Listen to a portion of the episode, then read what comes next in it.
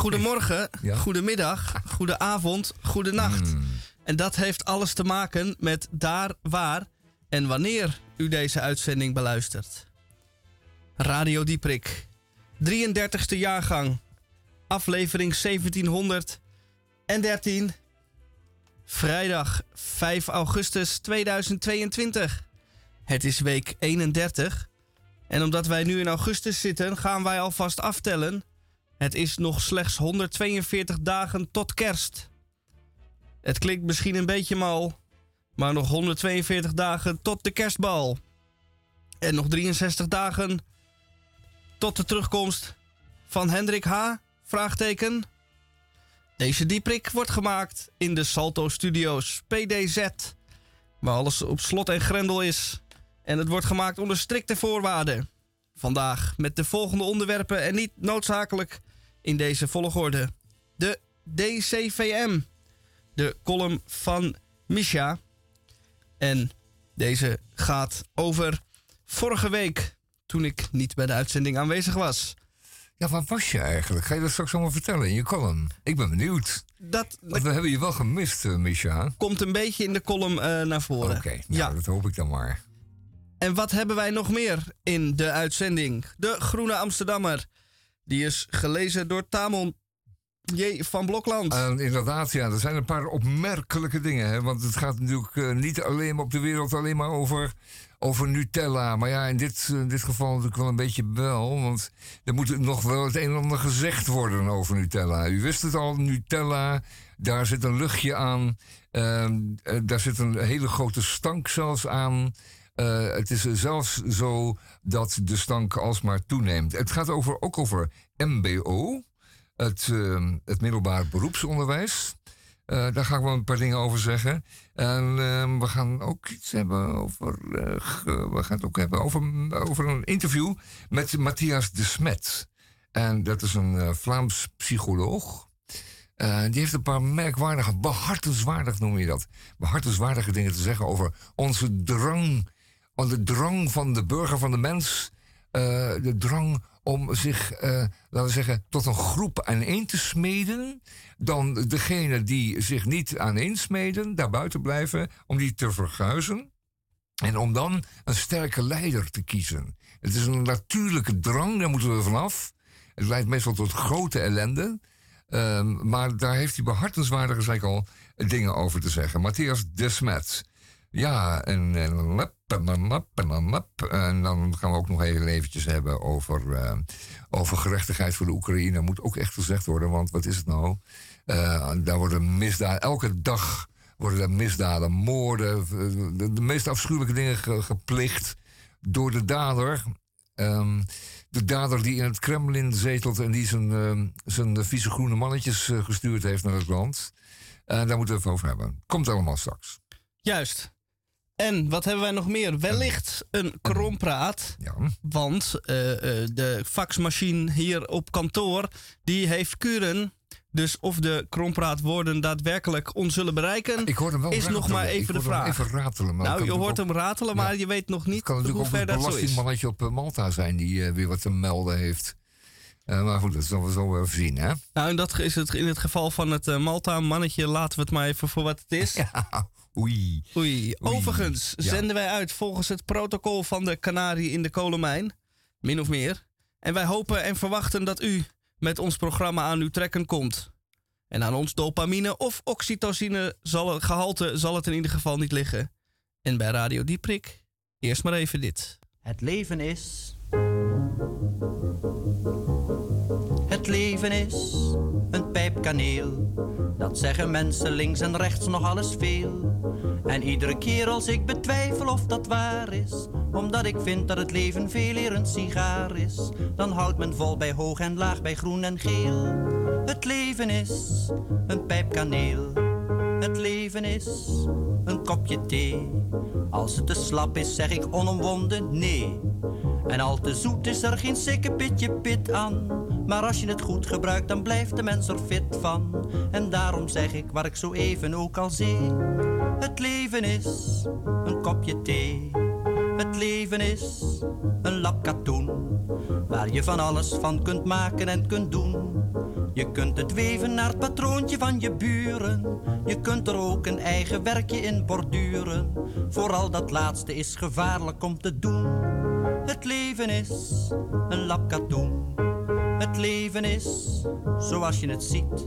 Voor de os een last en voor de nachtegaal een lied.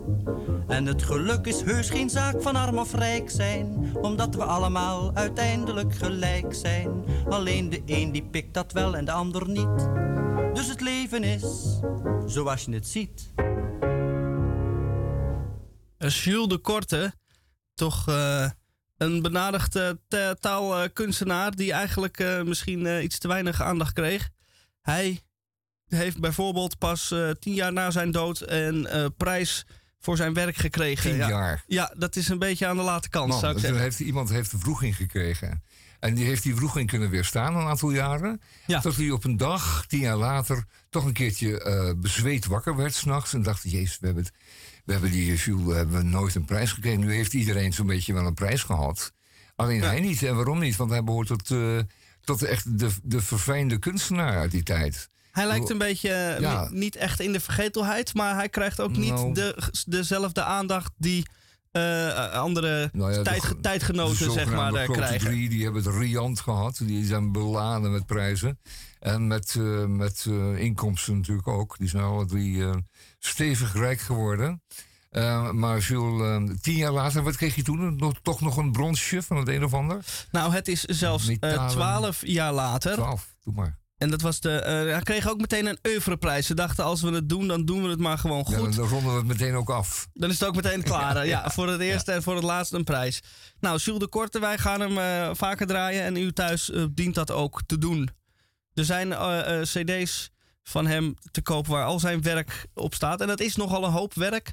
Dus daar heeft u ook een hoop eh, te beluisteren. Het ene lied is nog eh, leuker dan het andere. Ja, en immer, eh, en immer verfijnd. Dat is mijn, mijn oordeel. Juist. Altijd, altijd fijn, wat je noemt fijntjes. Aangenaam. En grappig.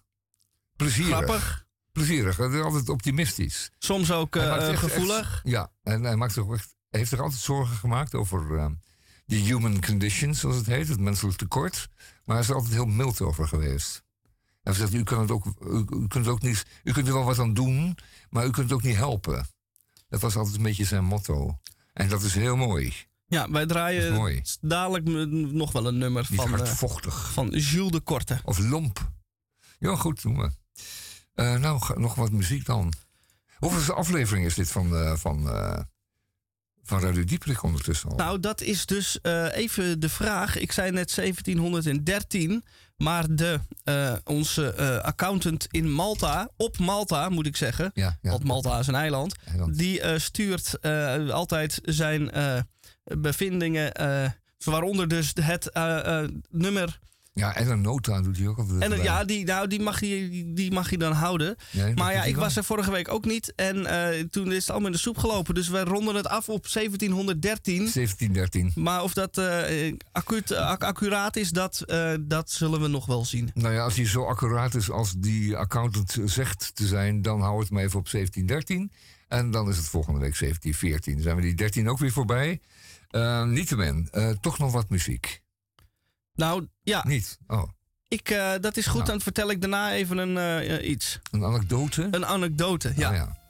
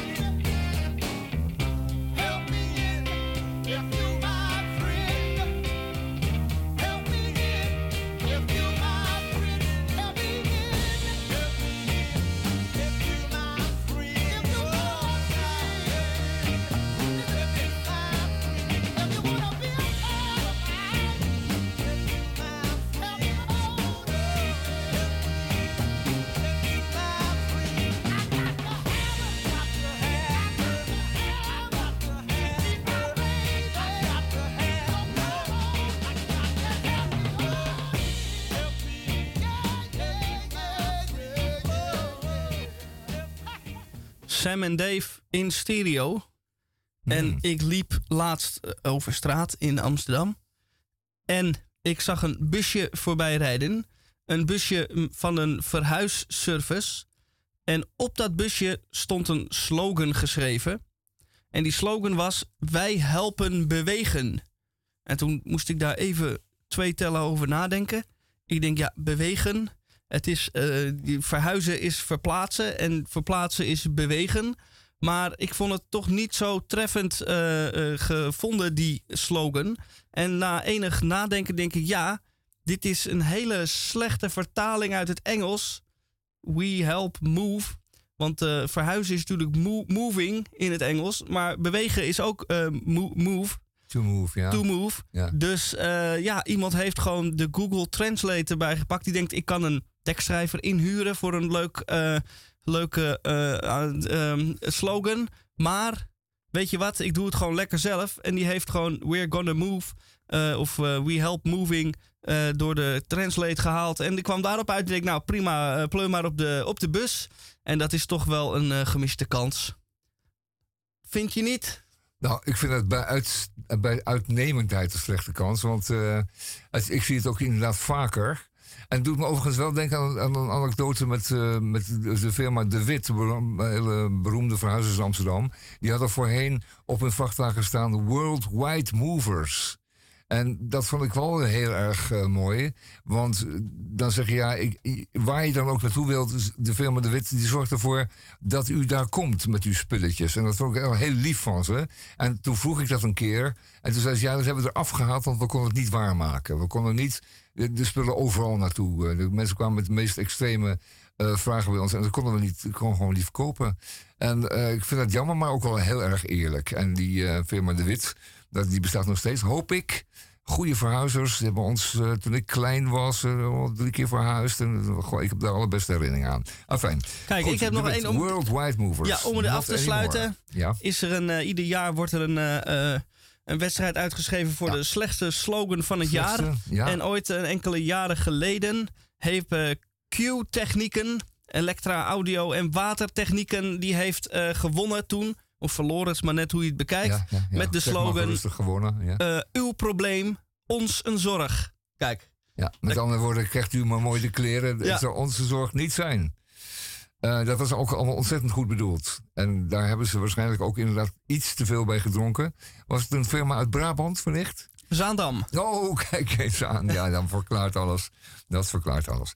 Oké, ehm, ja, ik hoop niet dat de Radio Dieperik zo ver reikt, maar...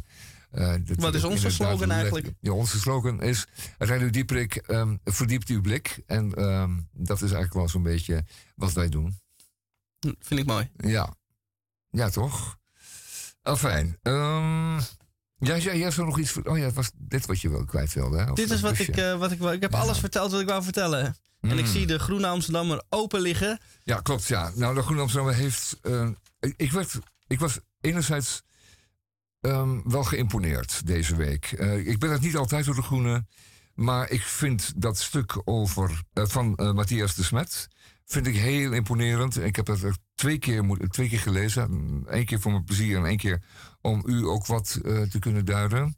Om het u ook te kunnen doorvertellen. En het milieudrama wat de firma Nutella veroorzaakt. Nutella.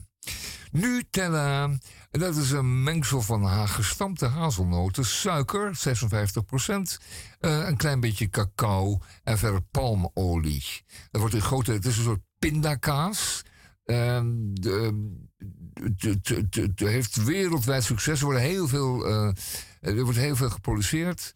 Ehm, op basis van hazelnoten. Niet eens voornamelijk. Ik zei al, de, de grote helft van de pasta is eh, suiker. En daar nog een groot gedeelte van die Nutella is eh, palmolie. Ehm, ook al een zeer kwestieus product. Waarvoor ook hele stukken eh, oerwoud moeten eh, verdwijnen. En nog verdwijnen elke dag.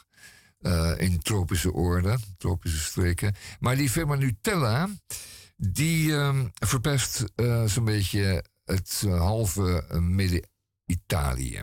En dat doen ze door elk stukje bouwgrond wat zij kunnen vinden. wat maar enigszins, enigszins eh, geschikt is voor de teelt van hazelnoten, zijn de, het planten van hazelnootboompjes, bomen, en die uiteindelijk bomen moeten worden, en daarvan de vruchten te plukken. En eh, die hazelnootbomen hebben, eh, laten we zeggen, voornamelijk een zekere hoogte nodig. Een zekere koelte, een zeker licht, een zekere hoeveelheid water.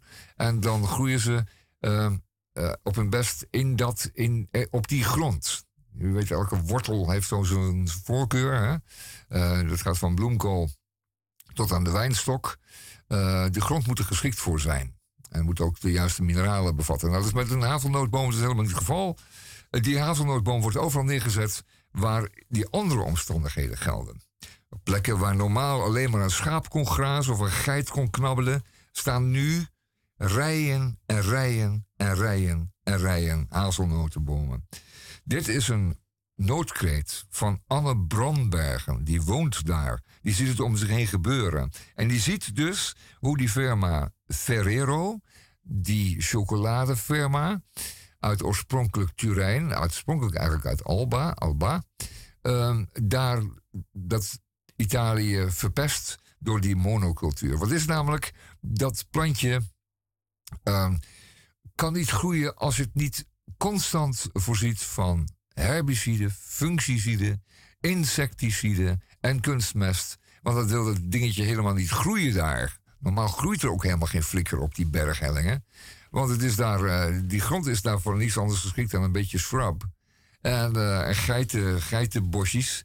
En, eh, maar Ferreira die heeft, ze daar, heeft het landschap compleet volgezet. Eerst platgewalst. En wat gebeurt er dan? Eh, die grond die wordt keihard. Dat is ook de bedoeling. Alle begroeiing wordt weggeblazen, weggespoten. Met, met herbiciden. Want die hazelnoten vallen dan op een gladde, keiharde bodem onder die bomen. En dan kunnen ze worden opgezogen. Dat is hun, dat is hun productiewijze. Dus die vallen uit die, die boom. Hoeft niet geplukt te worden. Je rammelt een beetje aan die boom met een mechaniek. En dan zu- zuig je met een grote stofzuiger die hazelnoten op.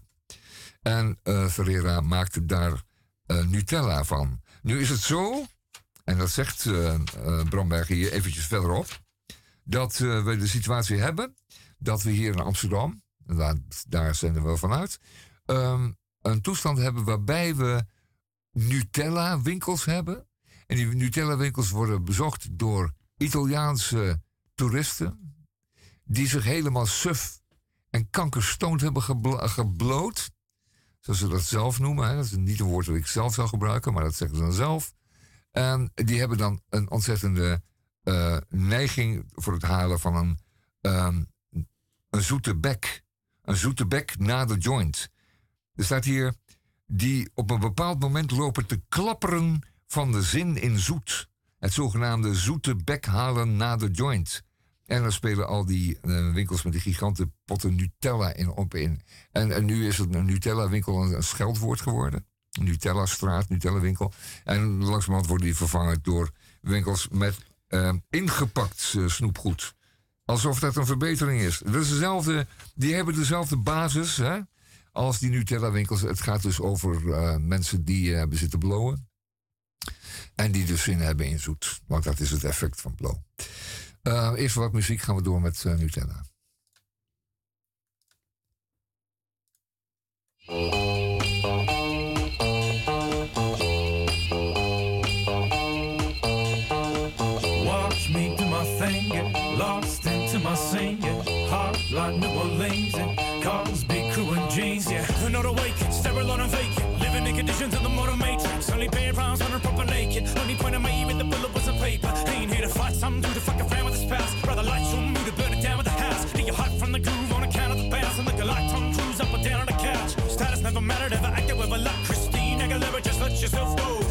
Pressure running, ever that is better left pristine. Track a record to let you all know. Oh, the would be kings even homeless. None of these kingdoms are own just. Slap a rapper, lost a lynch nose. Sit together and they no longer matter like a black hole.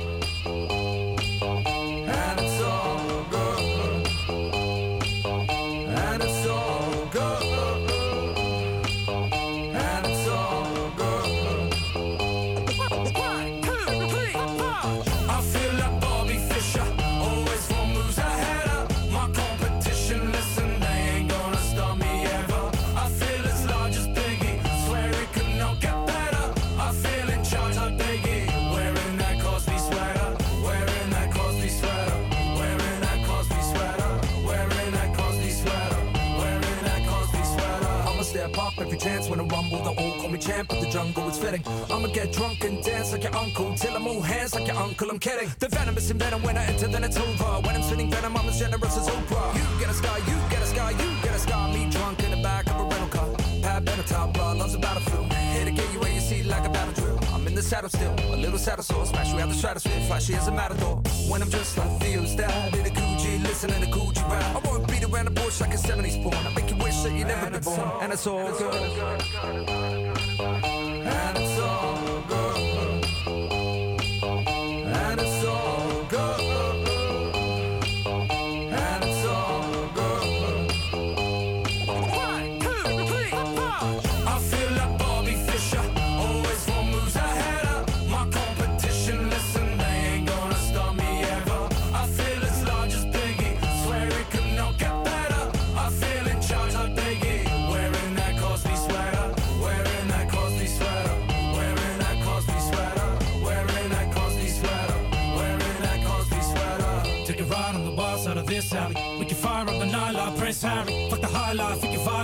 like we can lines hanging from behind like we're just married. I'll turn the iPhone into a blood sport. I make pea soup out of a pea brain. They wanna run this streets like parkour. I'd rather run these tracks like a steam train. Like a steam train.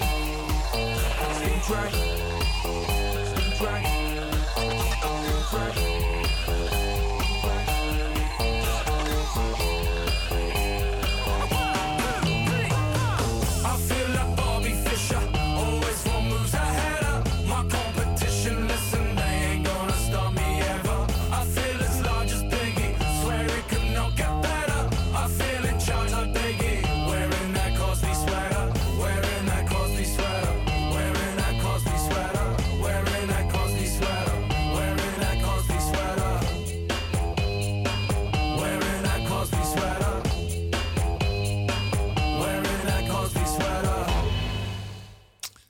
Ja, ik moet nog even door over die Nutella-ellende. Kijk, die uh, werden altijd al, voor- altijd al in, in Italië geoogst. Dat, dat doen ze al heel lang. Dat was altijd op kleine schaal, op ambachtelijke schaal. Maar nu die Nutella zo'n grote, eh, zo'n grote eh, stappen heeft genomen, zo'n grote vaart heeft genomen, die wereldwijde Nutella verkopen. En al die varianten op die eh, Nutella-pasta, op die hazelnotenpasta die die fabriek verkoopt, is de vraag naar hazelnoten enorm toegenomen. Die worden normaal eh, al grotelijks verbouwd in Turkije, ehm, maar ehm, daar is de kwaliteit niet continu van. Ehm, die hazelnoot is gevoelig voor een bepaalde, voor een paar insecten. En die worden in Italië, eh, die worden in Italië bestreden met zeer grote hoeveelheden gif. Ehm, Italië, zegt mevrouw. Maar in de afgelopen 10 à 20 jaar is het hier, zegt ze, een gifbelt geworden. Die alles heeft aangetast en kapot gemaakt. Bodem, biodiversiteit en het water. En niemand die het door had voor het te laat was. Ehm, het meer, het grote meer in hun omgeving, Lago di Vico. ehm, daar kun je niet meer zwemmen. Het is volkomen vergiftigd. Daar kun je niet meer. Het is prachtig helder water. Maar daarin zit opgelost een ongelooflijke hoeveelheid pesticiden en andere ciden. Daarbij, ehm, daarbij ook nog een, een, een, soortje, een, een soortje overtollig en weggespoeld eh, mineraal wat er op, op die aarde is gegooid. Het is werkelijk een zeer, zeer groot schofschandaal. En op die manier wordt iedereen gecorrumpeerd. Nou, dat gebeurt natuurlijk altijd. Ehm, die, eh, die Ferrero-fabriek die eist van, van zijn boeren, van zijn, eh, van zijn boeren, eist hij gewoon smetteloze hazelnoten. En die boeren weten niet anders dan dat ze giga hoeveelheden ehm, eh, gif daarop moeten spuiten. En dat gif, dat, dat, dat raakt in de grond, in het grondwater. En hier zegt een arts, ja, ehm, even kijken. Die zegt hier over het steeds vaker voorkomen van ziekten die gerelateerd kunnen worden aan die giga hoeveelheden gif die op die, op die bomen worden gepleurd. Dus, denkt u thuis even na. Voordat u gaat kopen, Nutella, in de banden mee, Ferrero Rocher, Mon Chéri ook hè, kindersurprise, weg ermee. Weg ermee. Het is, het is ellende. Niet meer kopen. Laat liggen die rommel. Er is wat anders. Koop gewoon een, chocoladereep van Verkade. Ja? Dan weet u dat u, dat u koop, koop, cacao uit, uit beschermde en uit betrouwbare hoek. Het kan heel erg makkelijk. Het staat er gewoon op, op, op uw chocoladereep. Ehm, wegblijven bij die Ferrero. Die, eh, dat is een, een multinational waarvan de familie al lang in Luxemburg woont om de belastingen niet te hoeven betalen. Dus Italië, weet een beetje Italiaan, die betaalt geen belasting. Ze hebben daar een achterstand van 500 miljard en achter, achterstallige eh, belastinginkomsten. Dus dat, als, dat, als die belasting in Italië dus inderdaad betaald zou worden door de, door burgers en de ondernemers, dan heeft Italië helemaal geen enkel probleem op financieel gebied. Hè. Ze moeten dus nu weer honderden miljarden van de Europese Unie hebben om hun gaten te dichten. Maar als ze nu dus gewoon hun eigen belasting zouden betalen, zou dat probleem al sowieso over zijn. Dan hoeven wij daar niet te betalen. Enfin, die ellendige toeristen die gaan dat eh, hier en all over the world ook nog eens een keertje kopen, die eh, Nutella-troep. Maar blijft u nou daar weg? Ferrero, Rocher, ik heb het al net allemaal genoemd. Blijf er van weg, die rommel. Het is allemaal besmet. Het is narigheid. Het is allemaal... Het, het wordt geproduceerd door mensen met een, met, met een geweten van niets. Gewetenlozen.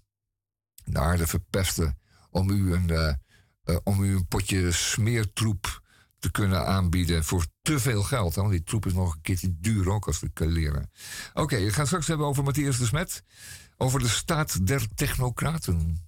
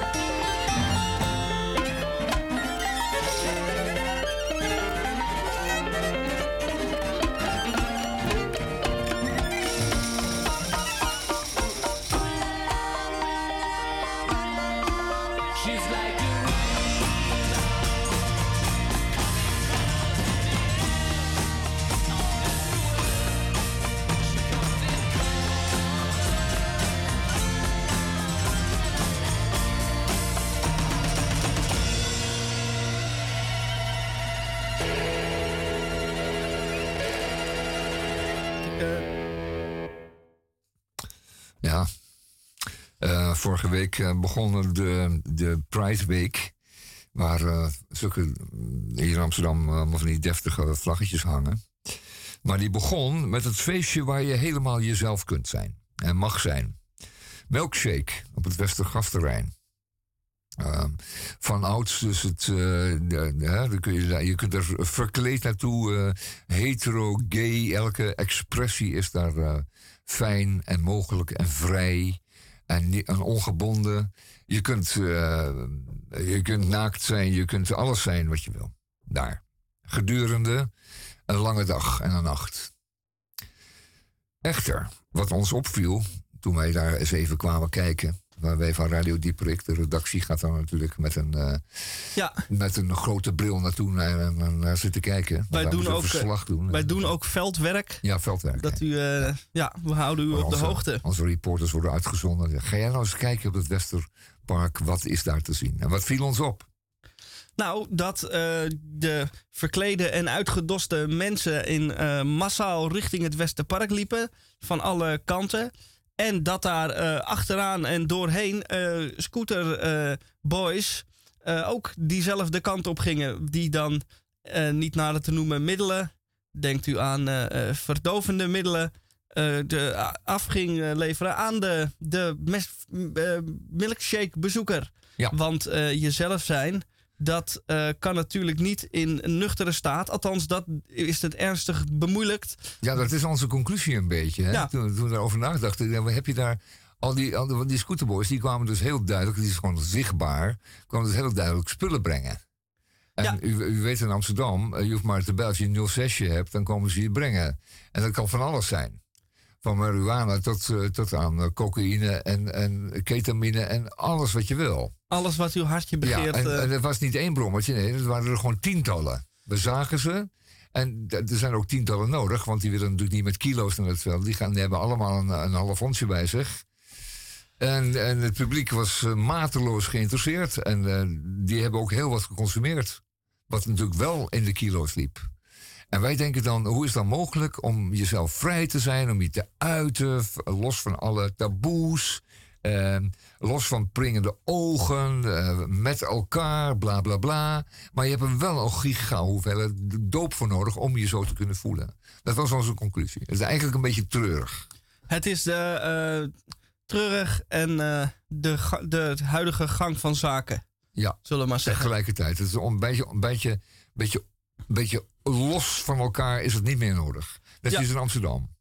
Wij gaan eh, even over naar iets serieus. En dat is de, de, de, de column van Misha. En Misha, die is eh, vorige week eh, was hij afwezig, maar hij was elders weer aanwezig. Dat kan.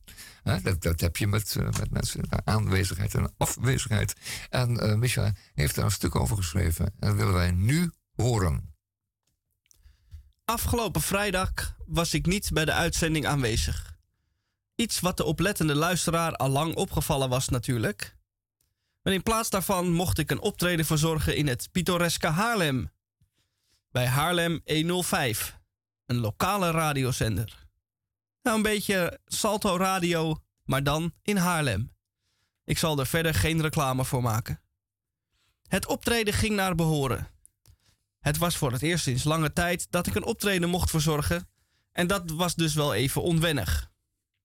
Nadien wilde ik niet direct huiswaarts keren. En ik dacht, ik ga nog even Haarlem bekijken. Een stad waar ik eigenlijk nooit geweest ben. En het, het weer was goed. En Haarlem bleek gezellig. Eten, foto's maken. En ik heb ook nog een stukje Johan Cruijffschaal bekeken. En voor ik het wist, was het half elf in de avond. En dus hoog tijd om weer terug naar Amsterdam te gaan. En dat is geen probleem, want de bus 80 rijdt vanuit Haarlem zowat direct naar mijn voordeur. En ik had het gelukt, want deze bus reed nog steeds op dit tijdstip En de locatie van de halte weet ik, zelfs zonder te zoeken, op te zoeken, gewoon te vinden. Een kleine overwinning. De bus is mooi op tijd en, die en zal mij over ongeveer 45 minuten zowat voor mijn deur afzetten. Maar halverwege gebeurt er iets vreemds. Bij de halte halfweg, heel toepasselijk, stopt de bus op de halte, terwijl er niemand in of uit ho- hoeft te stappen. Althans, er stapt wel één persoon uit. Niemand minder dan de buschauffeur. Hij loopt met een oranje rugzak en al in ferme pas de bus uit en verdwijnt de halfwegse nacht in tussen twee silo's. Ik zie, zie ik, ik zie voor het laatst een glimp van de bestuurder voordat hij daadwerkelijk opgaat in het niets. De snelheid en de vastberadenheid waarmee de chauffeur de bus uitloopt, geeft mij de indruk alsof de buschauffeur boos is over iets.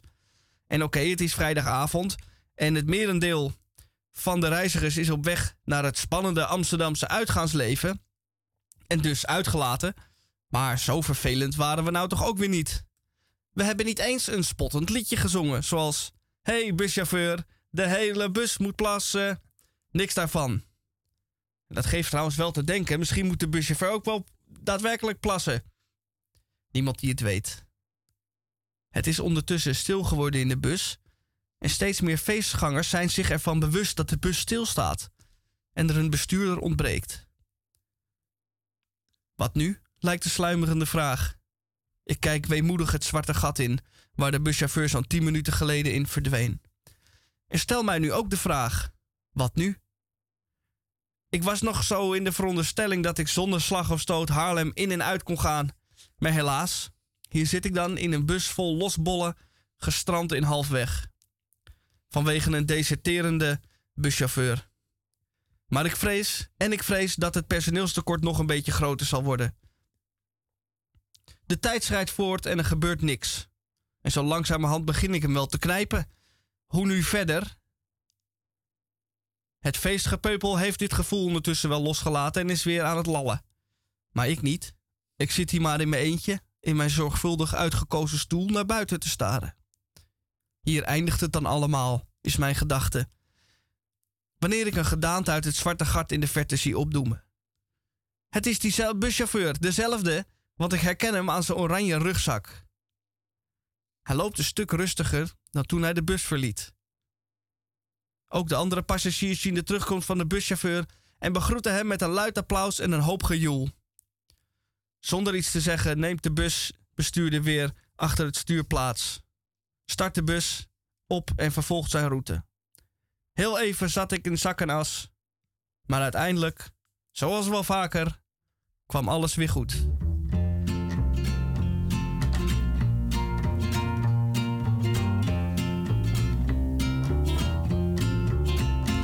Er liepen twee verslaafden zomaar over straat. De een vroeg aan de ander, zeg weet jij misschien hoe laat? Hoe laat komt hier de bus? Hoe laat komt hier de bus? Hoe laat komt hier de bus? Toen zei die ander dus. Busje komt zo, busje komt zo, busje komt zo, busje komt zo, busje komt zo, busje komt zo, busje komt zo, busje komt zo, busje komt zo, busje komt zo, busje komt zo, busje komt zo. Eventjes geduld nog, want het busje komt zo. Er lagen twee verslaafden samen in de goot. De een was half levend en de ander half dood.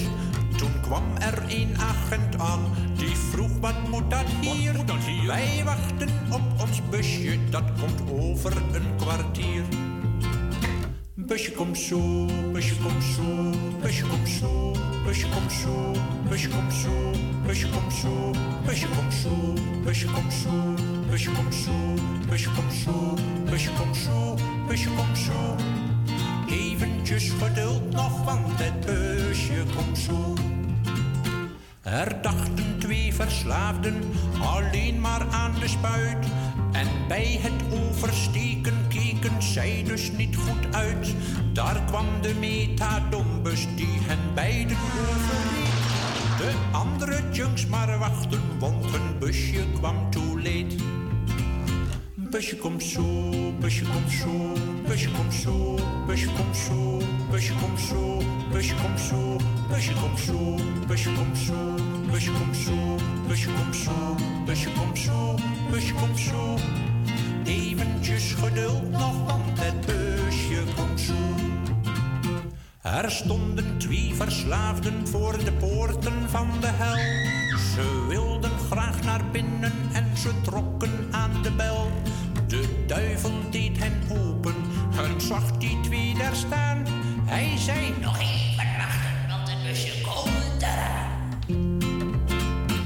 Busje komt zo, busje komt zo, busje komt zo, busje komt zo, busje komt zo, busje komt zo, busje komt zo, busje komt zo, busje komt zo, busje komt zo, busje komt zo, busje komt zo. Eventjes geduld nog, want het busje komt zo. De buschauffeur komt zo. Ja, de buschauffeur mag je hopen. En ik, oh, je hebt natuurlijk zitten hopen dat hij weer terugkwam. Ik vind het wel een mooi verhaal hoor. Het is een extreem geval van bijvoorbeeld van bewustwording van die buschauffeur. Dat hij dacht van ik, ik, ik stop ermee, ik heb het veel te lang gedaan. Daar was ik even En- bang voor, ja. En ik ga, ik ga naar mijn huis, ik ga naar mijn vrouw en ik zeg tegen haar: Ik heb de stap genomen. Ik heb die hele verdomde K. Puntje, puntje bus heb ik gewoon achtergelaten. Ja. En de mensen zien het maar en mij zien ze nooit meer terug. En ik ga iets heel anders doen. Kom, we gaan naar Nieuw-Zeeland eh, emigreren. En dat is het verste weg wat je kunt gaan. En ik vind het altijd een goed idee om zo ver mogelijk dan meteen ook weg te gaan. Als je weggaat, ga dan Ja, echt weg. ga dan echt, ook echt weg. Ga niet eh, in Weesp wonen. Een beetje halfhartig. Dat, dat, dat is niet goed, nee. Nee, Matthias de Smet, eh, heb ik verteld net, daar zal ik nog even over hebben. Het is een, psycholoog uit, uit Vlaanderen, uit België. Hij heeft een eh, goed boek geschreven, Matthias de Smet. Dat boek moeten we maar eens gaan halen. Ehm, de laatste paar jaar houdt hij zich bezig met het onderwerp groepsdenken. En ehm, het groepsdenken, dat eh, toont zich in allerlei vormen. Eh, de laatste tijd, ook in Nederland, we hebben het in de laatste twee jaar in extreme vorm gehad. eh, in, in, over de, de C-kwestie, de corona-kwestie. Toen werd ons van alles opgelegd. En de mensen begonnen zich toen niet als individuen, maar eh, als, als groep te gedragen. Als, niet als massa, zegt hij, maar als een, een, eh, een groep. En de groep heeft een hele st- sterke en eigen dynamiek, eh, vertelde hij. Ehm, ieder object van angst dat zich aandient, en dat was in dit geval zo, versterkt de roep bij de groep om een overheid die de controle pakt. Hij zegt: Ik heb patiënten eh, dat eh, gezien, en bij patiënten gezien, dat een algemeen gevoel van onbehagen en een angst die ze niet kunnen thuisbrengen, zich plots kan binden aan een tastbaar object, als een spin of een slang. De, het menselijk mentale systeem kan de angst zo min of meer controleren. Maar dit proces werkt ook op, eh, werkt ook op groepsniveau. Als veel mensen onbestemde angst voelen en er wordt dan via de media een verhaal verspreid met daarin object van angst, kan al die angst zich eensklaps aan het object binden. Dan kan er snel een breed draagvlak ontstaan om allemaal samen dezelfde strategie te volgen om dat object van angst aan te pakken. Er ontstaat een collectieve, heroïsche strijd met een sterk gevoelde groepsband. En we hebben dat natuurlijk bij corona gezien, maar we zagen het ook toen men aankondigde dat het lekker warm zou worden een dagje, vorige een paar weken terug. Wat was het? Twee weken terug. Het zou 40 graden worden. Dat zie je dan dat, dat, dat die bende individuen, die Nederlanders zijn, zich gaan gedragen als een groep. Ze gaan opeens de meest idiote eh, aanwijzingen opvolgen, van de, vooral van de GGD. We kregen het, eh, we kregen het advies, het dringend advies om voor het slapen gaan een glaasje water te gaan drinken. We, kregen het dringend advies om ons opeens naakt eh, te bedden te begeven. We kregen het dringend advies om een paraplu bij, mee te nemen. Ehm, d- het paraplu die heb je sowieso in je auto, want het regent als de tering soms. Hè. Eh, Het regent 9% per jaar in Nederland, vooral s'nachts. Maar een paraplu nu tegen de zon. Een parasol genaamd. Want anders zouden we hersenverweking kunnen oplopen van die knetterende zon, die zich niet voordoet als het 36 graden is, maar juist bij 40 graden. Afijn. De groepsreactie, ook nu weer, eh, werd op een vreemde manier disproportioneel.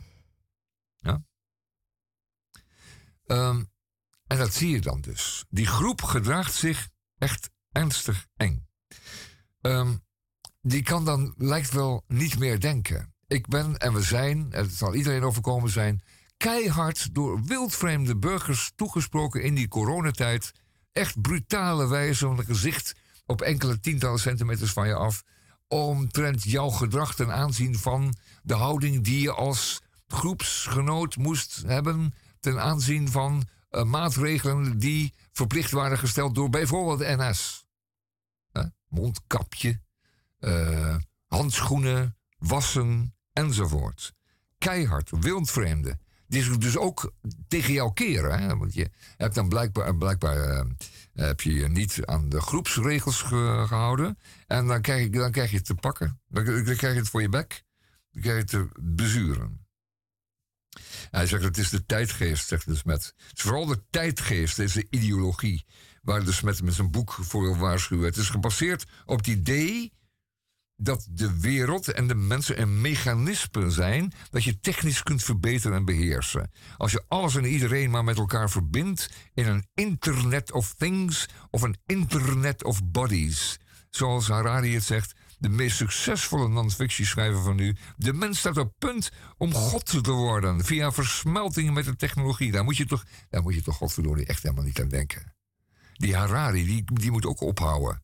Daar, moet je ook geen boeken meer van lezen. Dat is een enge kerel. Via versmelting met de technologie. Het is de droom van het transhumanisme. Een nieuwe mens te scheppen. En dan, dan, dan moet je toch als, als nadenkend mens toch meteen, moet je toch meteen Stalin voor je zien. En, en, en, eh, en Adolf Hitler, die wil ook allemaal nieuwe mensen scheppen. Nou, dan moesten er wel een heleboel verdwijnen eerst, voordat die nieuwe mens kon opstaan. Want die liepen dan in de weg. Dat was dan verder geen probleem, want het eh, ideaal was toch de nieuwe mens. Niet waar? Man. Utopisme is altijd gebaseerd op een extreem ge- geloof in rationaliteit. Maar het zal altijd doodlopen, want de wereld is ten diepste niet rationeel. Het kan ook niet anders dan zichzelf vernietigen. Het zij maar zo, het zij zo. Ja. Ik, eh, ik, ik, ik, echt, ik zou zeggen, koop een boek van de Smet. Of eh, koop deze versie van eh Groen Amsterdammer. Deze week. We komen trouwens aan het einde van de eerste, eerste uur. Dus ik ga er nu even mee stoppen. Want ik had het nog over TikTok willen hebben. Die ellendige, die diep ellendige TikTok. Maar dat heeft er ook mee te maken. Met dat dataïsme. Dat ze, dat ze alles dan willen vastleggen. In de groep. eh, de individuen als het ware willen vastleggen. Zodat ze eh, meer in die, in, die, in, die, in die groep gesmeed kunnen worden. Zodat de, de mensen die uit die groep willen stappen ook meteen te pakken hebben. En dat is eh, wat TikTok ook doet. En, maar daar gaan we het in het tweede uur nog even over hebben. En we gaan nu wat muziek draaien. Dat is beter, dat is goed voor de geest. Maakt niet uit wat.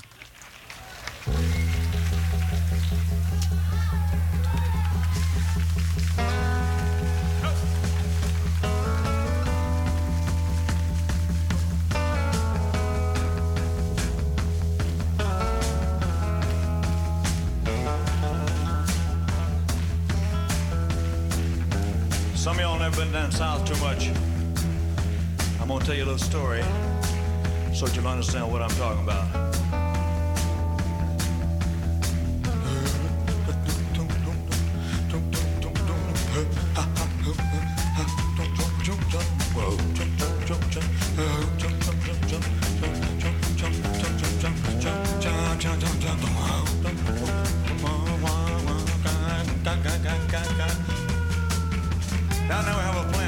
Out in the fields, and it looks something like a turnip green. Everybody calls it poke salad. Now that's poke salad.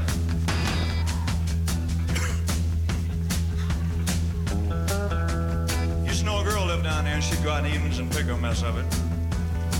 carry it home and cook it for supper. That's about all they had to eat. But they did all right. Down in Louisiana, where the alligators grow so mean, lived a girl that I swear to the world made the alligators look tame.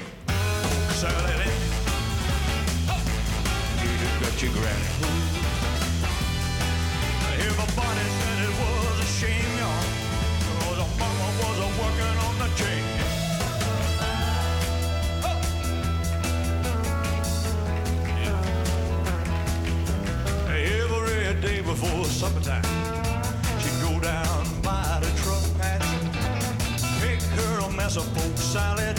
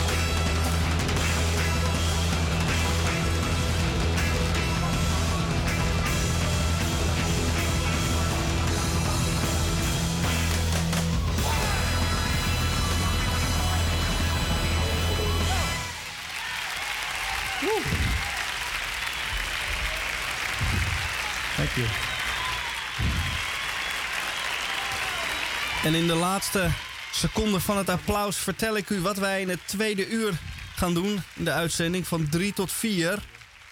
We hebben eventueel nog de krompraat als dat eh, door de fax heen komt. Verder hebben we nog wel andere prachtige onderwerpen over in en over Amsterdam. Eh, het is nog 142 dagen tot kerst, eh, dames en heren, dus houd daar rekening mee. En na een korte onderbreking zal eh, aflevering, ongeveer aflevering 1713 dadelijk weer verder gaan. Tot in de tweede uur. It looks like it down here.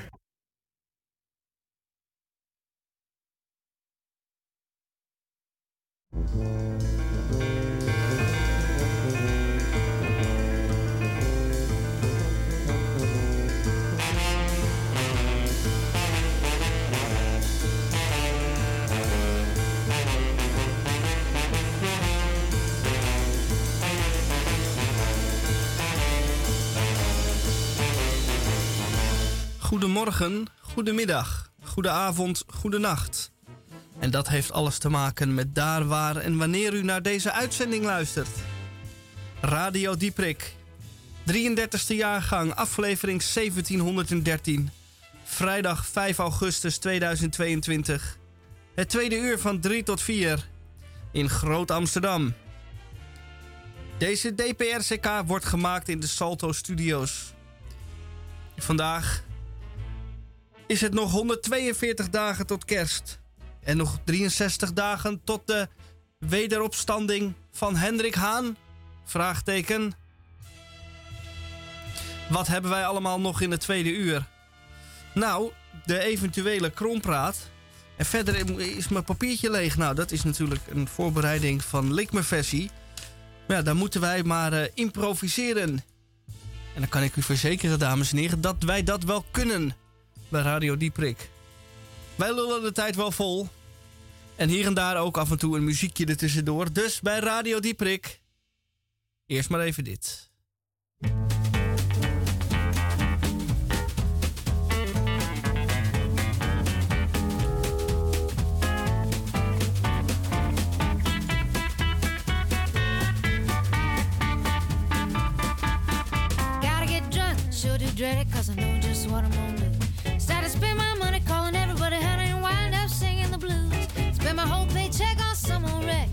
I can name you a few. Well, I gotta get drunk, I sure do dread it, cause I know just what I'm gonna do. I gotta get drunk, I can't stay sober, there's a lot of good people in town. Start to see me holler, see me spend my dollar, and I wouldn't think of letting them down. There's a lot of doctors that tell me that I better stop putting it down. Well, there's more drunks than there are good doctors, so I guess I better have another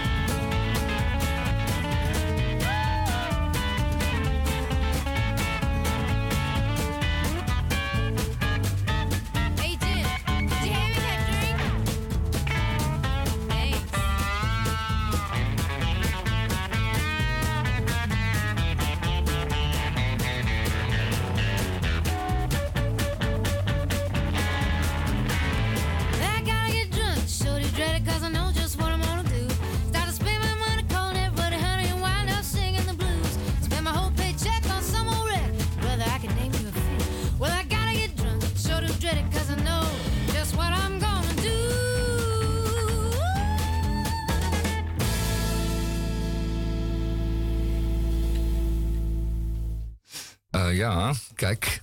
eh, dit was wel eventjes weer leuk. eh, Little Willies. En ik ga zo over naar een nummer dat ik speciaal draai voor, ehm, voor, eh, voor iemand die, ehm, die zich daartoe, daartoe aangesproken zal voelen. Zal ik het maar heel voorzichtig zeggen? Ehm, ik ben een fan. En het nummer heet The Best Things in Life. Het is van de Dreamliners. Dreamliners, kom je nou bij? Dreamliners. We gaan draaien nu. Komt-ie.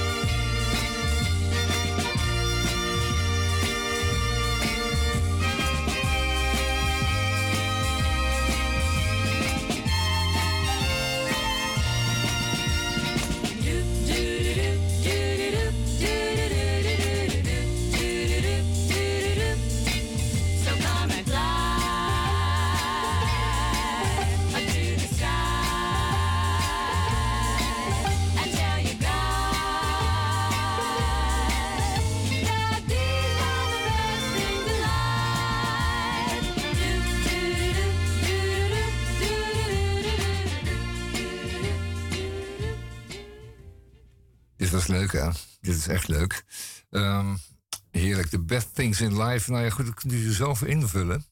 En eh, in analogie daaraan zou ik nog even terug willen komen op eh, de smet.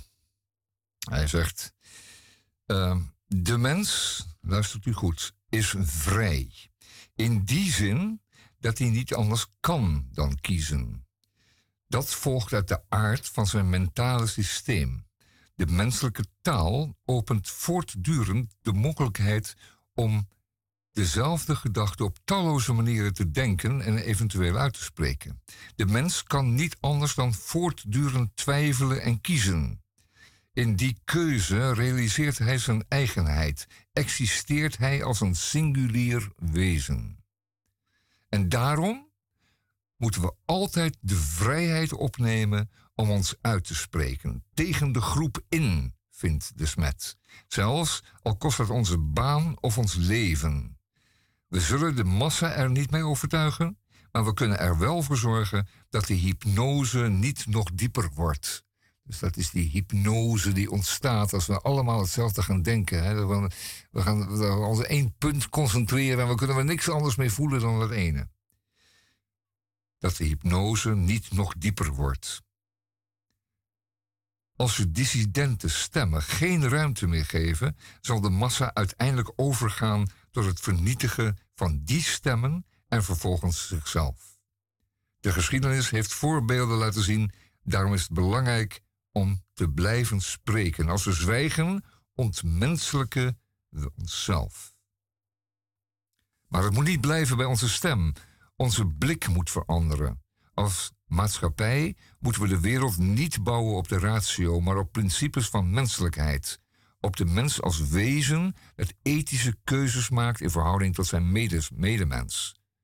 In verhouding tot het onnoembare dat in de kern der dingen tot hem spreekt. De kern der dingen tot hem spreekt.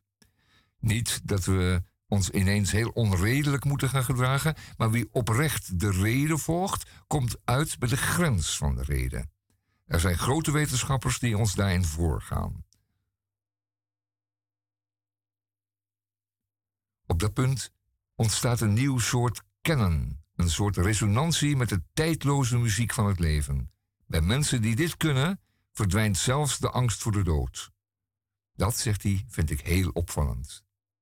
Een eenvoudig recept of politiek programma is er niet, zegt de Smet. Het gaat om een mentale ommekeer. We moeten dringend voorbij het rationeel mechanistisch fenomeen geraken.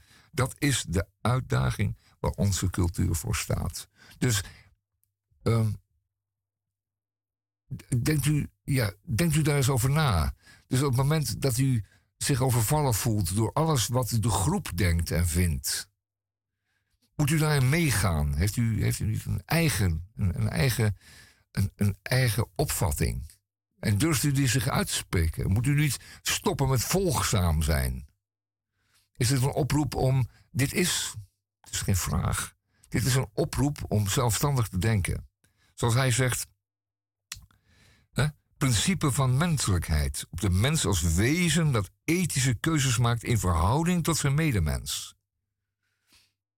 Dat is een belangrijke en zeer belangrijke overweging. En ik moest eraan denken toen ik eh, een, stuk las in de, The Times of Israel over TikTok. Dat ellendige en diep ellendige programma, die diep ellendige TikTok-app, die door een, een, miljard mensen wordt eh, gezien, gebruikt.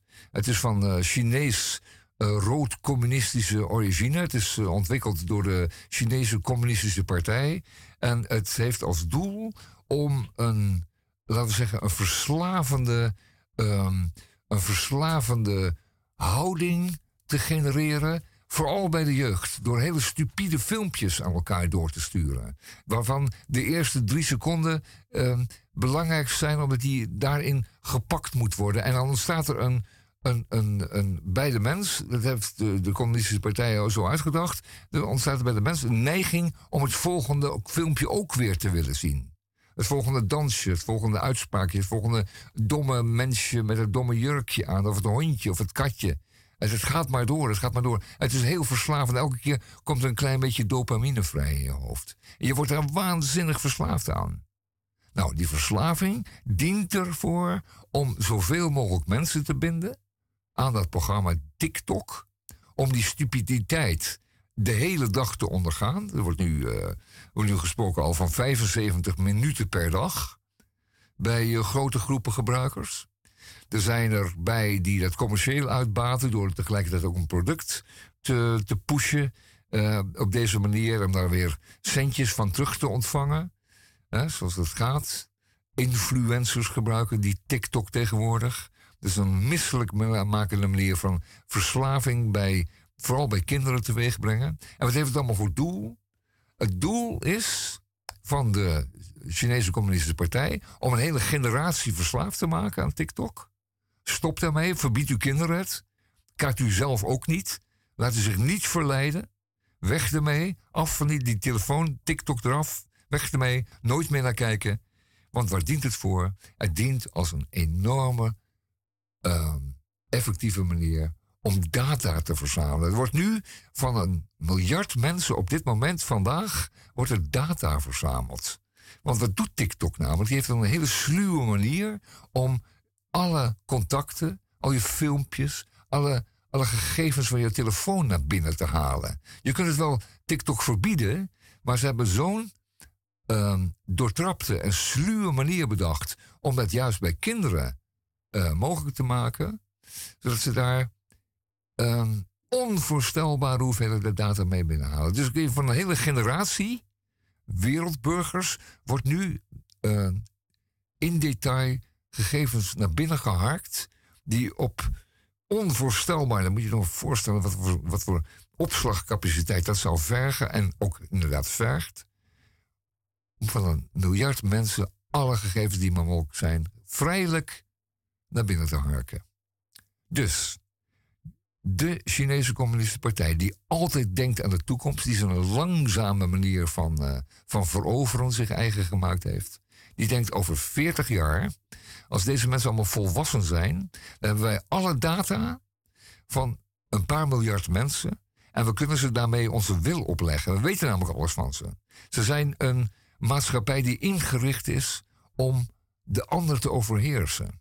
Laat u zich niet pakken door TikTok. Weg ermee. Stop ermee. Kappen ermee. Bedenk dat de rood-Chinezen je over een jaar of dertig, volgende generatie, volledig in hun macht zullen hebben, omdat ze alles van je weten. Ze kunnen je volgen daardoor. Ze hoeven alleen nog maar, ze hoeven alleen nog maar je in te tikken op een, op een, op een, op een, op een, op een computertje. Ze zien ja, waar, je, waar je gaat. Ze hebben je gezicht al lang aan jouw persoon en aan alle andere mensen in jouw omgeving verbonden. De manier. Hoe doordacht is dit? Hoe sluw en hoe slecht? Dus ik zou zeggen, einde, stop ermee met het dataïsme.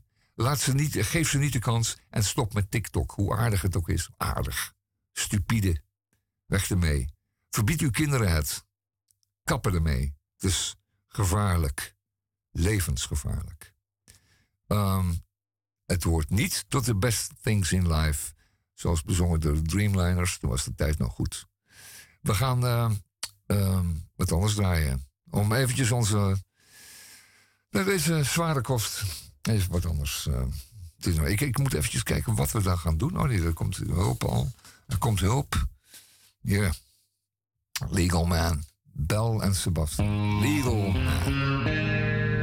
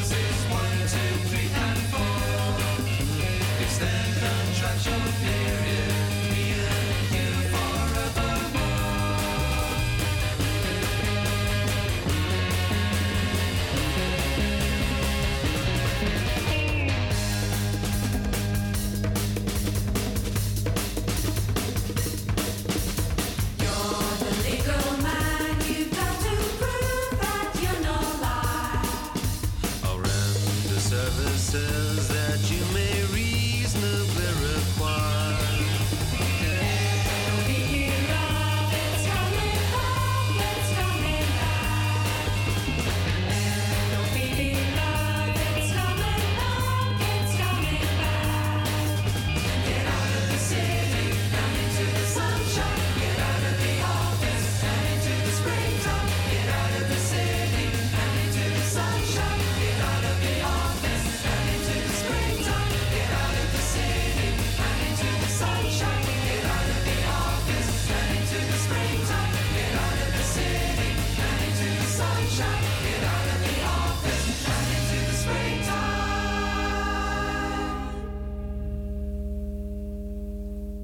Het is vrijdag 5 augustus.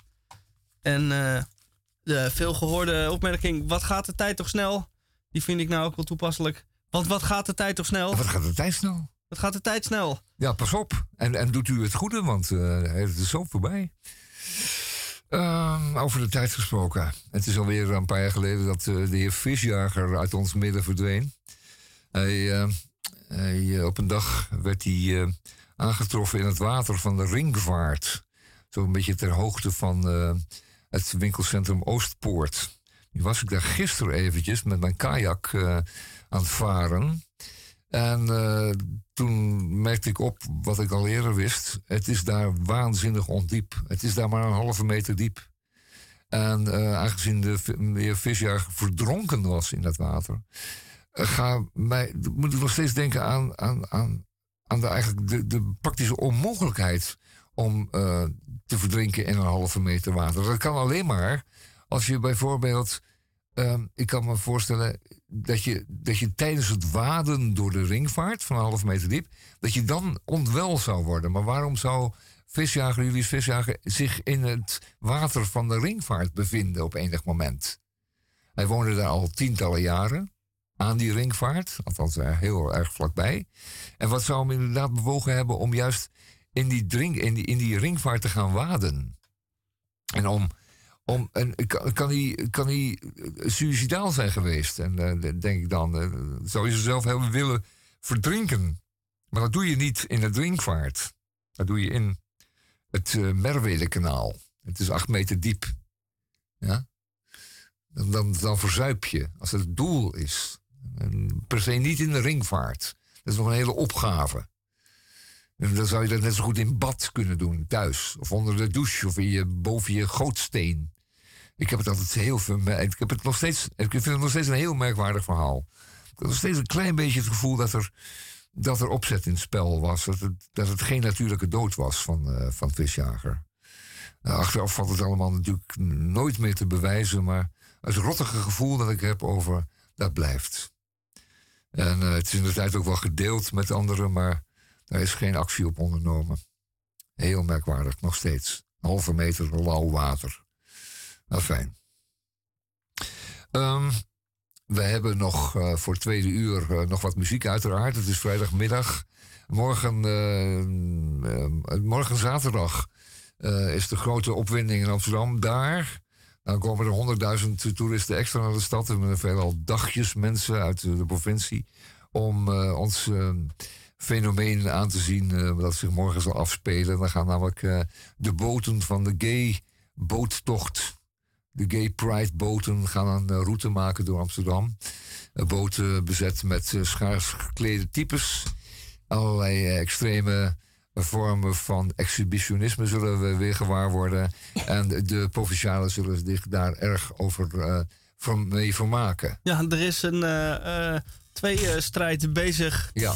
binnen de, organisatie van de Kennel Pride. En de... Kennel of kanaal? Kan- Kanaal Pride. Pride. En de, eh, de, wat er eh, aan de hand is, is dat er in de loop der jaren de, het eh, enthousiasme en de populariteit van dit evenement natuurlijk gegroeid is. En dat er vele eh, bedrijven en ook Ja, als, als, politieke... als, als attractie. ja, wacht hè? even, wacht even. Ja, ja. Als attractie. Ja. Nou, ben ik mijn hele verhaal weer kwijt. Sorry. En heel veel bedrijven, zei je? Ja, vele bedrijven. Nou ja, het is dus eh, zo populair geworden dat vele bedrijven en eh, ook politieke partijen en andere instellingen denken: hé, hey, daar kunnen we een graantje mee eh, pikken. En dus één keer in het jaar een regenboogvlag over hun logo hangen. Of eh, D66 is ook voor de homo's. En ING Bank en de KNVB. En waar het nu om gaat, is dat er dus een hele hoop mensen de integriteit van, van die bedrijven eh, in twijfel trekt. In hoeverre ze dat nou echt menen en er echt achter staan. Of denken, hé, hey, zo kunnen we gratis reclame maken. eh, terwijl wij eh, zeggen voor de mensheid te staan. Maar eigenlijk, Ja, voor de- eigenlijk gewoon mooie sier willen maken over de rug van anderen. Of niet. Dat is dan dus de, waar de, Ja. de, de twee eh spal zich Ja, in ja, ja, ja. En het, het, de hoeveelheid commercieel, eh, commerciële boten is ook enorm toegenomen. Hè. Je Ja. ziet er, dus er komen er tien voorbij met bij te kijken in de typetjes. En dus inderdaad van Albert Heijn en, eh, en de ING-bank en eh, god wat. Ehm, en denk ja, zijn het allemaal...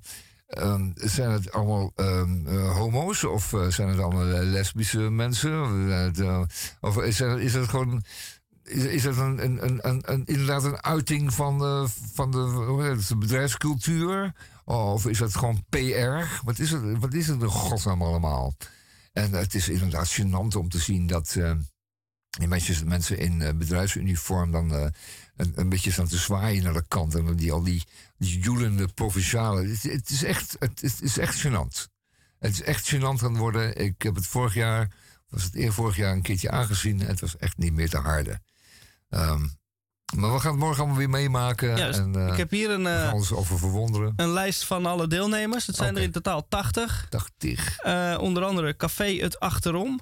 Nou, dat café ken ik niet. Misschien hier PostNL Pride. De, de Nederlandse Bank, ja, dat is ook sowieso een integer eh, instelling. Dus die vertrouwen we volledig. De KPN. Nou, ze zijn er allemaal. Het Amsterdam UMC. Ik denk dat die toch wel iets beters te doen hebben dan vanaf een bootje zwaaien. Maar goed, die doen dus ook mee. Je hebt ook eh, de Gay Expat Amsterdam. Nou, dat, die, eh, dus, eh, hè, dat, die mogen er ook zijn. T-Mobile. Je hebt geen bereik, maar ze doen wel wat op, op een boot. Hier. Google, die doet ook mee. Nou, en zo heb je dus een hele waslijst aan eh, bedrijven en instellingen waarvan je denkt: wat doe jij hier? Blijf gewoon lekker eh, je werk doen en val ons niet lastig. Maar goed, die eh provincialen hebben natuurlijk wel iets nodig om naar te zwaaien. En dan denken ze: hey, KPN, dat ken ik ook van eh Tjerkstraatdeel, daar hebben we ook Ja, KPN. het winkeltje in onze winkelstraat. Ja, Het KPN-winkeltje. komt Ja, je vraagt je zeer af of dan deze bedrijven ook werkelijk staan achter die, eh, die protestbeweging wat oorspronkelijk was.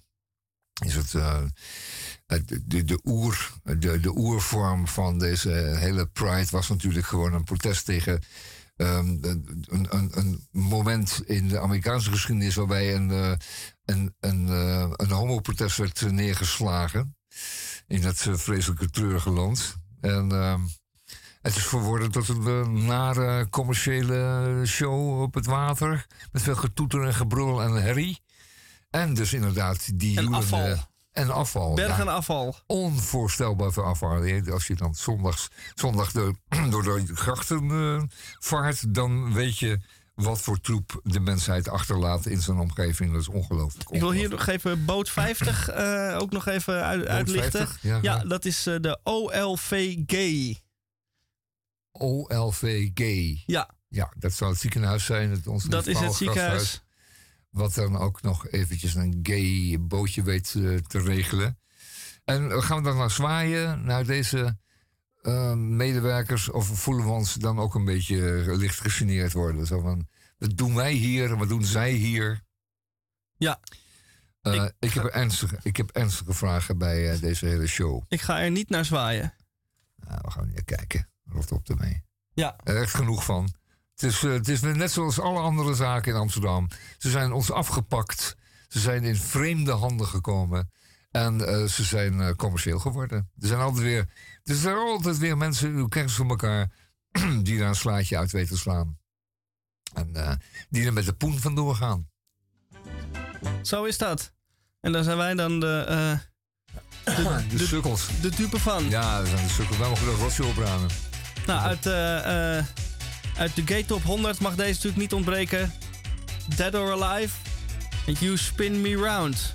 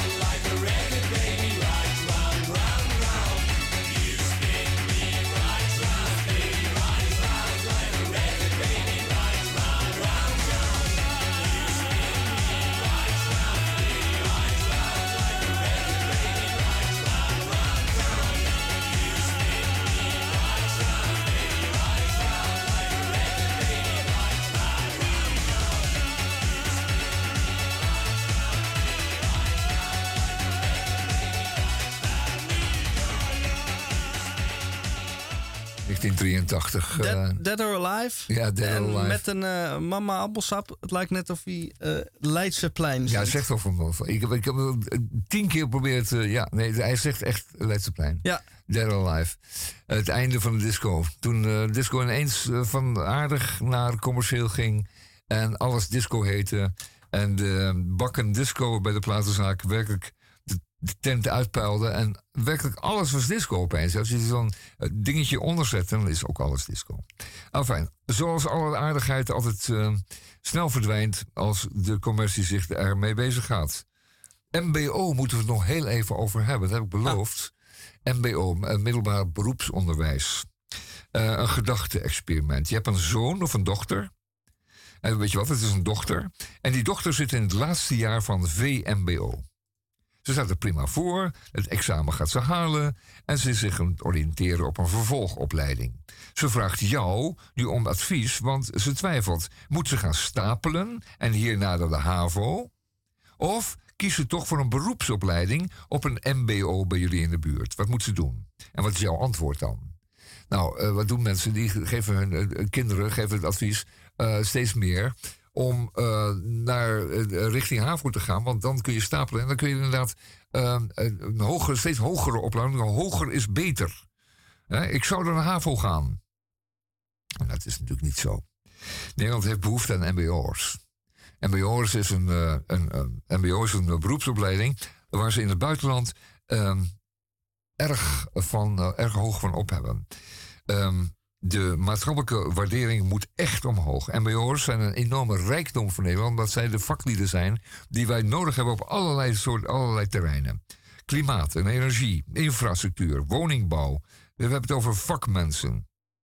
Uh, het is, het, ook dit jaar zijn er weer meer, minder mensen ingeschreven op de MBO-opleidingen. Dus een afname van 20.000 leerlingen op het uh, MBO dit jaar. Het is ontzettend zonde. Er zijn mensen die allemaal naar die HAVO's verdwijnen, waar ze richting HBO proberen te komen. Maar wat ze zeker niet altijd zal lukken, omdat die mensen nu eenmaal beter geschikt blijken te zullen zijn voor het edele handwerk, het ambacht, een beroepsopleiding. Die we dus inderdaad veel meer nodig hebben dan al die mensen achter en voor de computer die zo'n beetje half levens leiden. Uh, ik denk ook dat als je als vakman en als uh, werkelijk goed opgeleid vakman veel meer kunt verdienen in je leven, veel meer vermogen kunt waar als het daarom gaat. Hè? Misschien niet status, maar het is de status van een uh, baliekluiver tenslotte. Maar de status van een goede timmerman loodgieter, en die is echt in mijn ogen veel groter dan dat. Wat is er mis met een MBO-diploma?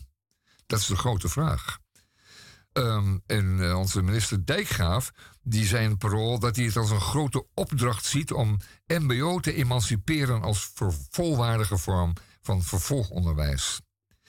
En hij uh, zegt, uh, hij zegt nadrukkelijk te pleiten voor een gelijke behandeling van MBO-studenten ten opzichte van HBO- en universitaire studenten. En daarmee, en, en daarvoor zou ze eerst een keertje student mogen gaan noemen, want ze zijn nog helemaal geen student. Hij zegt dat zit bijvoorbeeld in bewustwording en taalgebruik, de betrokkenheid in de studentenleven en bij het opdoen van buitenlandervaring. Is allemaal voor hen niet weggelegd. Hè? Het is echt wat dat betreft een hele een, een slecht bedeelde opleiding.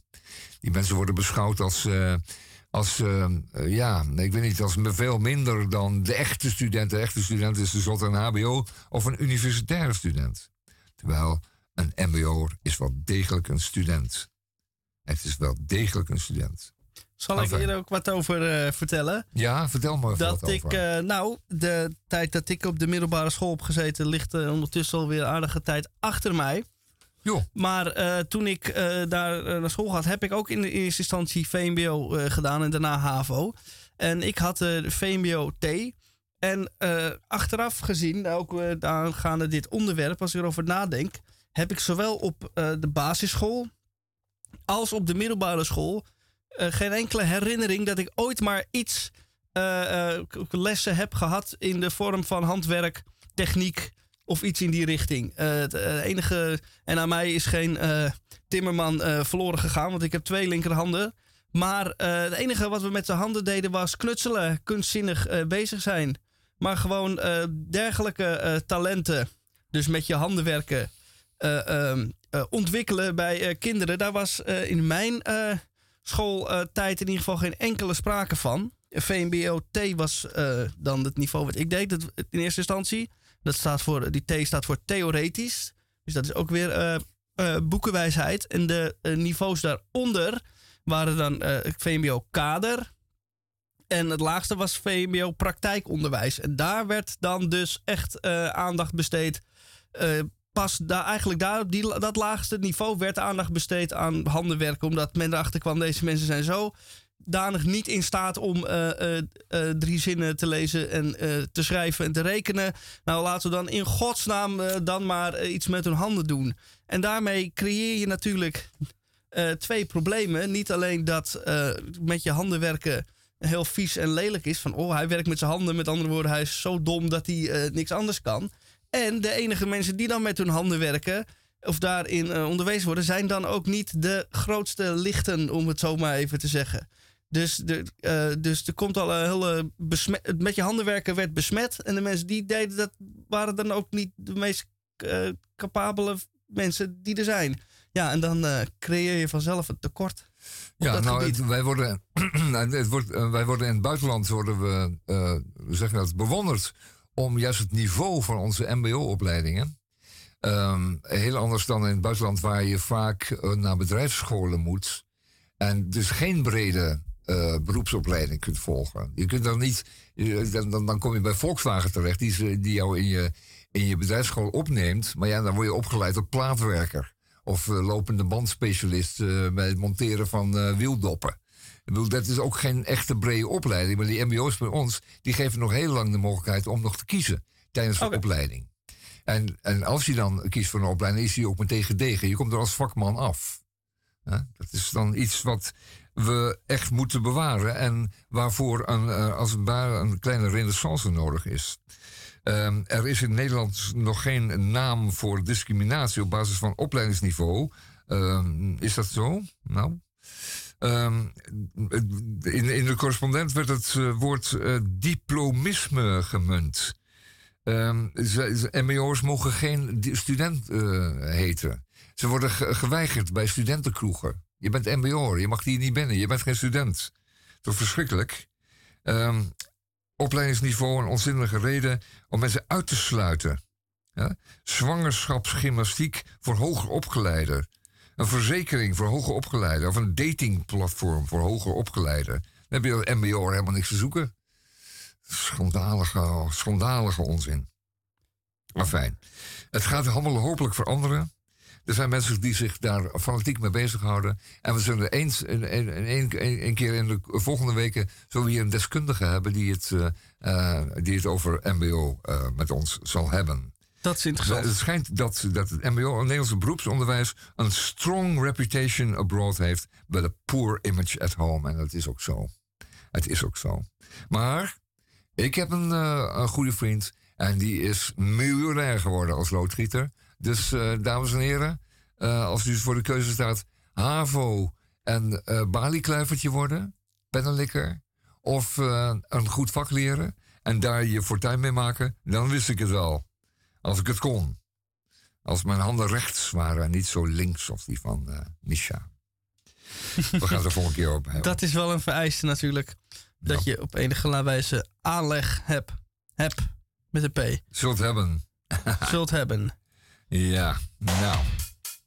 Hartstikke goed.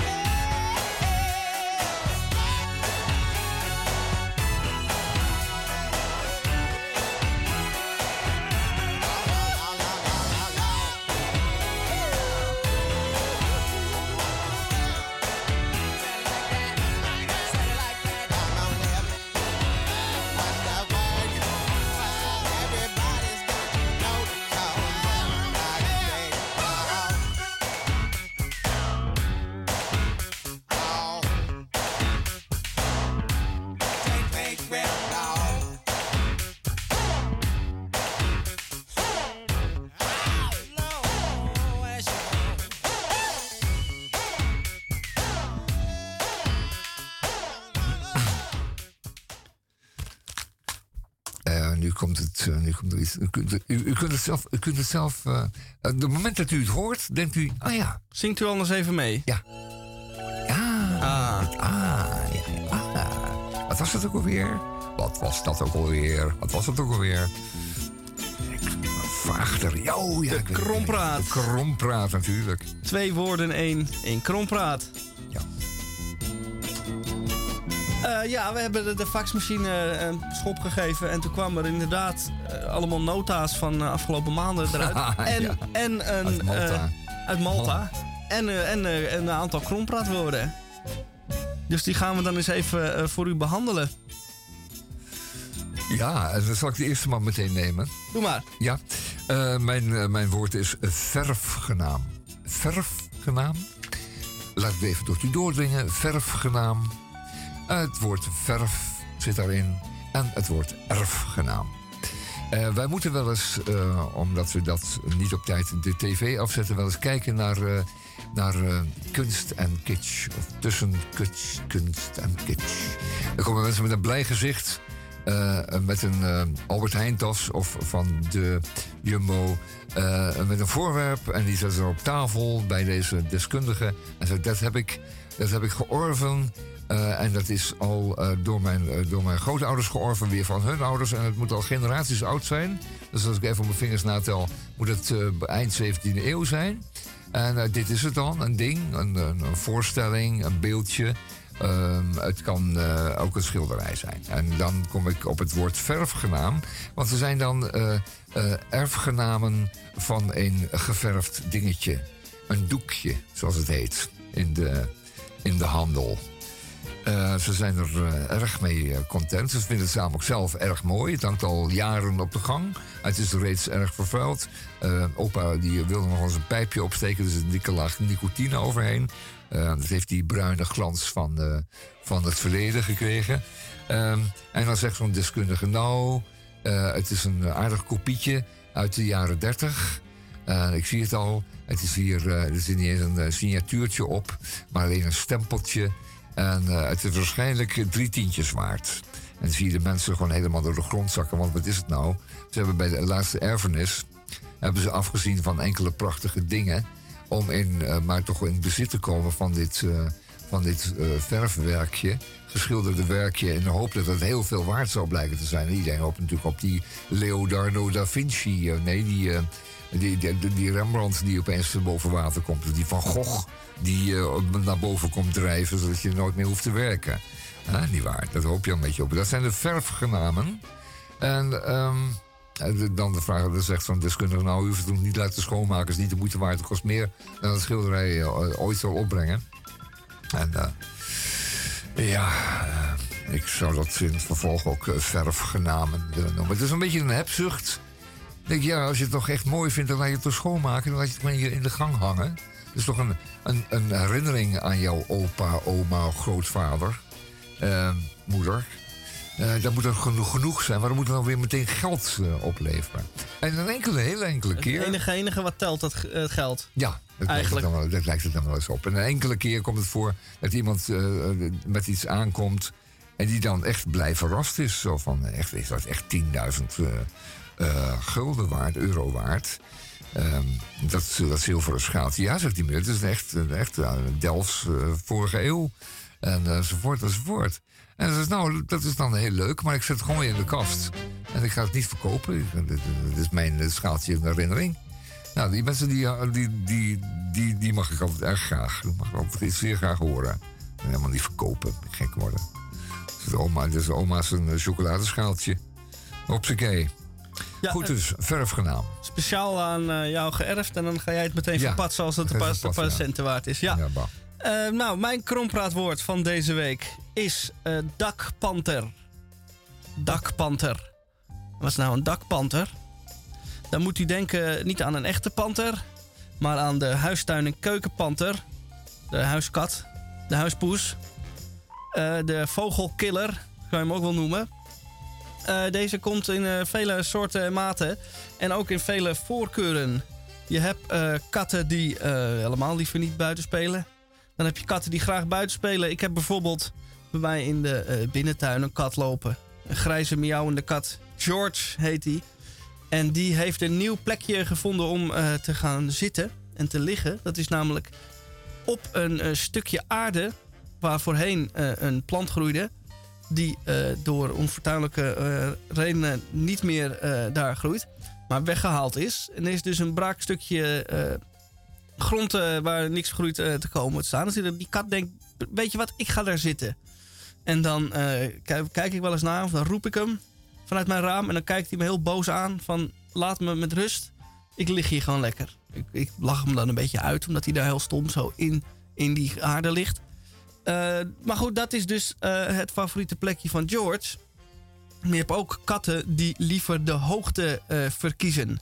En dat zijn dan de dakpanters. En met de hoogte hoeft u niet letterlijk het dak te denken. Dat kan wel. Sommige katten hebben toegang tot de regenpijp, dakgoot. En die gaan daar dan lopen. Maar u moet bijvoorbeeld ook denken aan katten die graag bovenop de kast gaan zitten. Bovenop de deur. Of zelfs gewoon op een papiertje. Ik heb wel een kat gekend die eh, eh, niet eh, die op de grond zat totdat je een A4'tje neerlegt en dan ging die kat daarop zitten. Want dat is wel namelijk 0,000 eh, millimeter hoger dan de grond en dan heb je toch net even wat beter overzicht. Of bijvoorbeeld de stoelleuning of de bankleuning. Als het maar hoog is, als het maar in de lucht is, dat is de voorkeur van de dakpanter. Volkomen duidelijk. En nu begrijp ik ook waarom ze dat doen. Bovenop de boekenkast en eh, inderdaad op de leuning van de bank. Ehm, het is hun aard waarschijnlijk. Ja, dan kunnen ze ook van afspringen of erop. Toch het gevoel dat ze nog een beetje een avontuurlijk leven leiden, die beesten. Nou, inderdaad. Lijkt het nog wat eh, vanaf. eh, we, hebben, we hebben wel genoeg de afgelopen twee uur in Radio Dieperik hier, de moraalridder van de Eter, eh, hebben we voldoende aan u gegeven om het weekend mee door te komen. Het wordt een, eh, een Pride weekend, laatste weekend.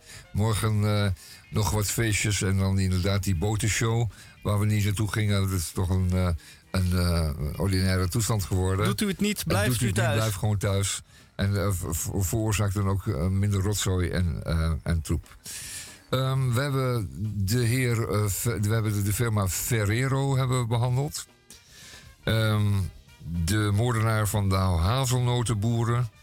Ehm, eh, we, hebben, we weten nu dat we geen Nutella meer gaan aanschaffen. En ook niet meer die gouden snoepjes van ze. Nee. En ook geen kindereieren meer. Ik heb het eh, gehad over de buschauffeur tussen Ja. Haarlem en Amsterdam. Die het even niet meer zag zitten. Niet meer zag zitten. Maar zich toch weer herpakte. En, eh, Hij pakte na een kwartiertje. Die is eventjes wezen zennen op een, op een hoekje. Ergens rustig. Die heeft even, eh, hè, op een yogamatje is hij even tot zichzelf kunnen komen. En heeft toen toch weer die bus gepakt. Zijn verantwoordelijkheid gepakt. Mooi is dat. Eh, verder hebben we het nog gehad over TikTok. Ellendige TikTok van de Chinese Communistische Partij. Die ons allemaal te grazen zal nemen op den duur. Als ze toe- dat toestaan. Dus uh, als wij dat- schop uw kinderen van de TikTok als af. wij het toestaan, hè? Want En, het eh, is wel zo dat als jij een eh, TikTok-account aanmaakt, je heel braaf de algemene voorwaarden krijgt. Die zijn ongeveer pagina of 60. En daar staat inderdaad in, eh, daar geef je, als je dat daarmee akkoord gaat, geef je inderdaad direct toegang. Dat TikTok al jouw gegevens, niet alleen wat je op TikTok doet, maar wat, oh, alles wat er in je telefoon Ja. staat, dat Ja. daar allemaal. Al je eh, contacten, ja. ja. de hele soepzooi. dus je kunt ook nee Locatie. klikken. Je kunt het ook nee niet klikken, doen. Ja. Maar ja, die Ja, filmpjes ja. die zijn zo, eh, Ik denk die zijn zo leuk, hè? dat er honderden miljoenen dan ja zeggen. Want die denken van ja, als ik, dat niet, als ik, niet, als ik nee zeg, dan krijg ik vast eh, niet alles te zien. Dan hoor ik ik wil het- zien. Nee, dan, dan kun je de hele app niet eens gebruiken. Oh, dat kan niet eens. Nee, nee, Oh, nee. je moet dus- akkoord gaan om überhaupt... Oh, wat een Ja. betrapte toestand. Nou, die Chinese communistische partij is goed bezig. Over een jaar of dertig weten ze echt alles van je. Net zoals van de Oeigoeren. Die mogen zonder eh, gezichtsherkenning ook geen stap meer doen in hun eigen land. Nee, ze hebben het overigens wel geleerd, die Chinezen van de Amerikanen. Want Facebook eh, en Google doet dat al tien jaar. Nou goed, eh, Dat de, soort de dergelijke algoritmes zijn inderdaad daar ontwikkeld. ehm, maar het zou me, vraag me af of ze ooit bedacht hebben... dat de Chinese communistische partij ermee vandoor zou gaan.